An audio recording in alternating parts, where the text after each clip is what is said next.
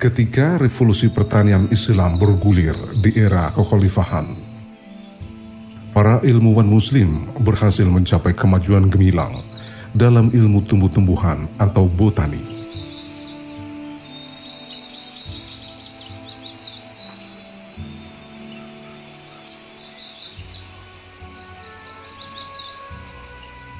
Para ahli botani muslim di zaman keemasan Islam mampu menampilkan karyanya di bidang agronomi, agroteknik, meteorologi, klimatologi, hidrologi, penguasaan lahan, serta manajemen usaha pertanian.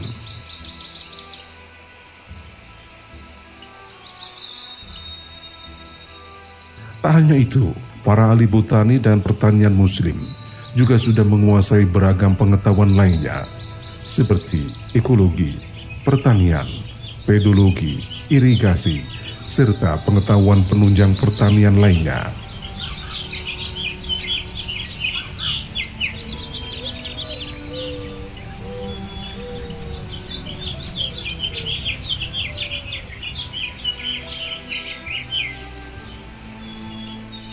Penguasaan ilmu-ilmu itulah yang menyebabkan revolusi hijau yang dikembangkan dunia Islam mencapai puncak kejayaan.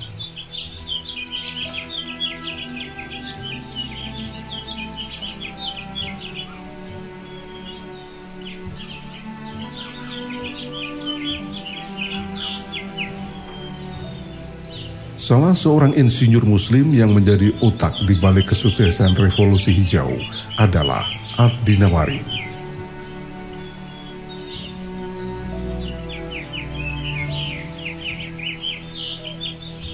Dalam buku karya Taufik Fat berjudul Botany and Agriculture disebutkan Abdi Nawari adalah pendiri botani atau ilmu tumbuh-tumbuhan di dunia Islam.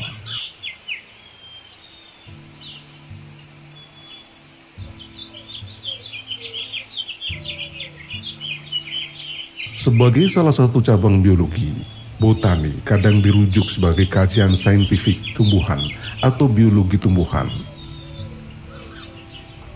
Botani merangkum berbagai disiplin saintifik yang mengkaji struktur, pertumbuhan, pembiakan, metabolisme, perkembangan, penyakit, ekologi, dan evolusi tumbuhan.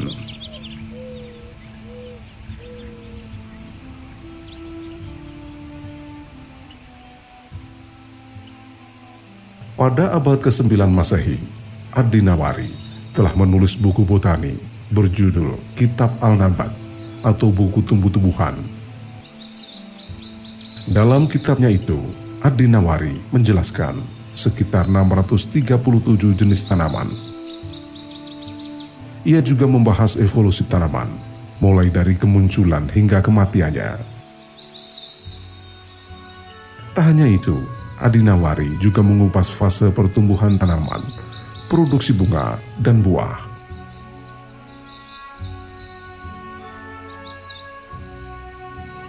Yang lebih menakjubkan, Adinawari juga mampu menjelaskan aneka jenis tanaman yang diawali dari huruf sin sampai ya. Yang mencatat evolusi tanaman dari tumbuhan, hidup sampai mati, penjelasan tahap tanaman tumbuh dan memproduksi buah serta bunga.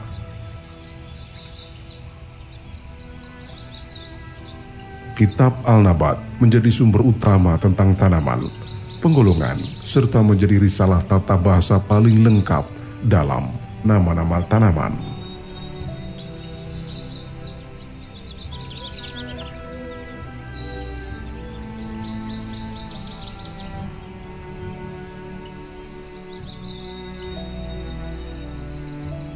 Lebih dari seribu tahun lalu, Adinawari sudah mampu menentukan awal musim dengan fenomena alam seperti badai, guntur, kilat, salju, banjir, pada lembah-lembah, sungai, danau, sumur-sumur, dan sumber air lainnya.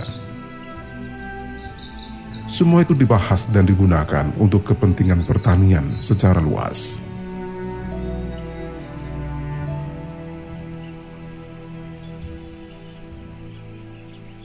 Kitab Al-Nabat juga menguraikan ilmu bumi dalam konteks pertanian.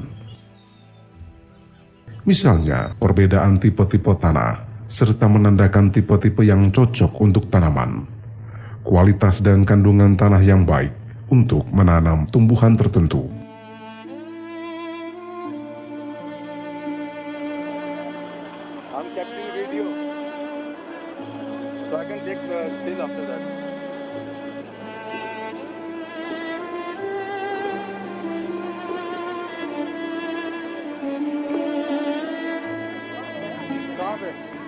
Abu Hanifah Ahmad Ibnu Dawud Dinawari lahir tahun 828 di kota Dinawar, perbatasan antara wilayah Hamadan dan Kermansah. Gini daerah itu berada di Iran bagian barat.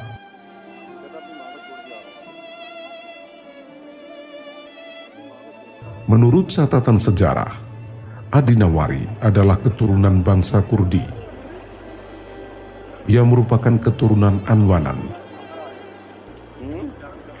At-Tinawari adalah generasi kedua yang memeluk agama Islam.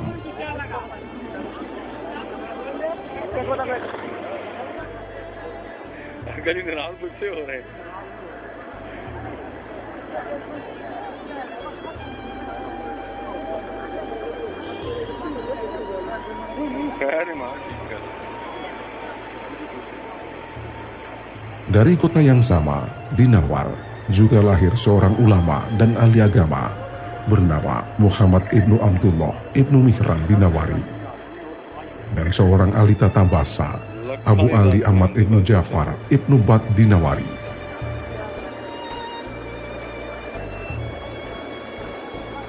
Ayahnya Abu Hanifah Ahmad bin Dawud bin Wanan mengatakan Sejak kecil, Adi Nawari sudah menunjukkan minat yang tinggi pada ilmu pengetahuan. Karena itu, sejak belia, ia mulai belajar astronomi, matematika, dan mekanik di Isafan.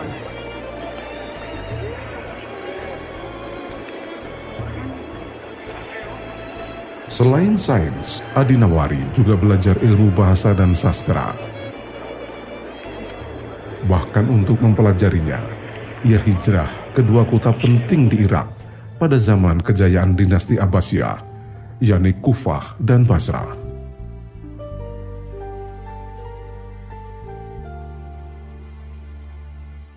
Adinawari dikenal sebagai seorang pemikir kelas dunia.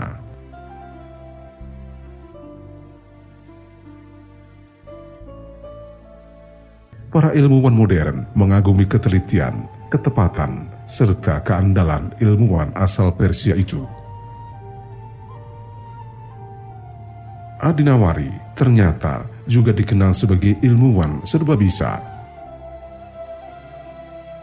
Selain sebagai perintis botani, ia juga dikenal menguasai beragam ilmu seperti astronomi, pertanian, metalurgi, geografi, matematika, dan tentu sejarah.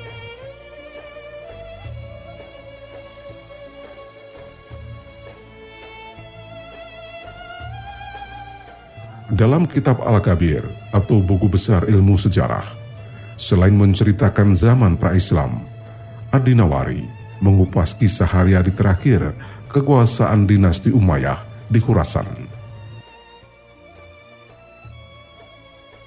Dalam buku itu juga diceritakan bagaimana Marwan II, khalifah terakhir Umayyah, dikalahkan oleh pasukan Abbasiyah.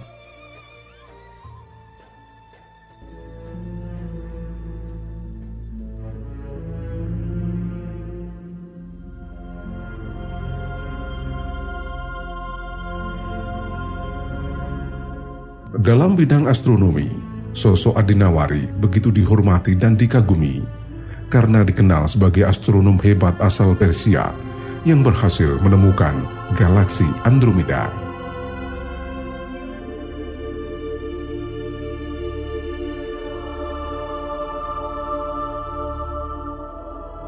Karya Adinawari dalam bidang sains antara lain Kitab Al-Jabar wal Muhabila atau buku Al-Jabar Kitab Al-Nabat, buku tentang tanaman. Kitab Al-Kusuf, buku tentang gerhana matahari. Kitab Al-Rod, Al-Rasad Al-Isfahani atau reputasi pengamatan astronomi, Kitab Al-Hisab atau buku aritmatika, Bad Hisib Al-Hin alias analisis aritmatika India, Kitab Al-Jama wal Tafrik, buku tentang aritmatika, Kitab Al-Qibla wal Zival atau buku tentang orientasi perbintangan, Kitab Al-Anwa, buku tentang cuaca, dan kitab istilah Al-Mantik atau perbaikan logika.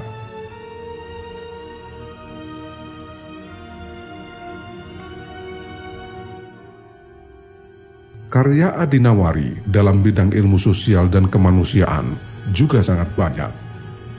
Di antaranya adalah Kitab Al-Akbar Al-Tiwal atau Sejarah Umum, Kitab Al-Kabir, buku besar ilmu sejarah, Kitab Al-Fisaha, buku retorika, Kitab Al-Budan, buku geografi, Kitab Al-Sir wal Suara, buku syair dan penyair, serta Ansab Al-Akrat atau buku tentang keturunan Kurdi.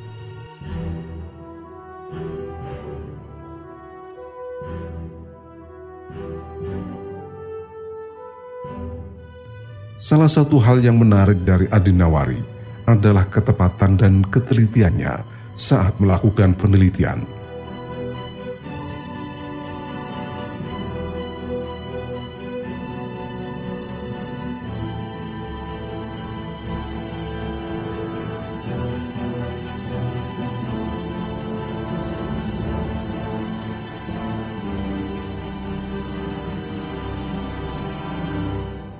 Abu Hanifah Ahmad Ibnu Dawud Dinawari, sang ilmuwan muslim fenomenal, wafat 24 Juli tahun 896 Masehi di kota kelahirannya, Dinawar.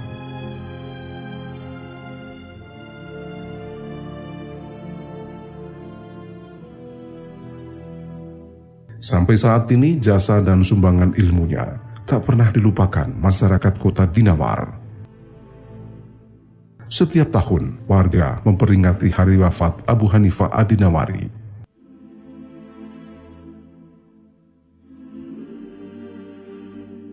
Semangat dan perjuangan hidupnya terus dilestarikan hingga Dinawar sampai saat ini dikenal sebagai kota penghasil pemikir dan ilmuwan kelas dunia.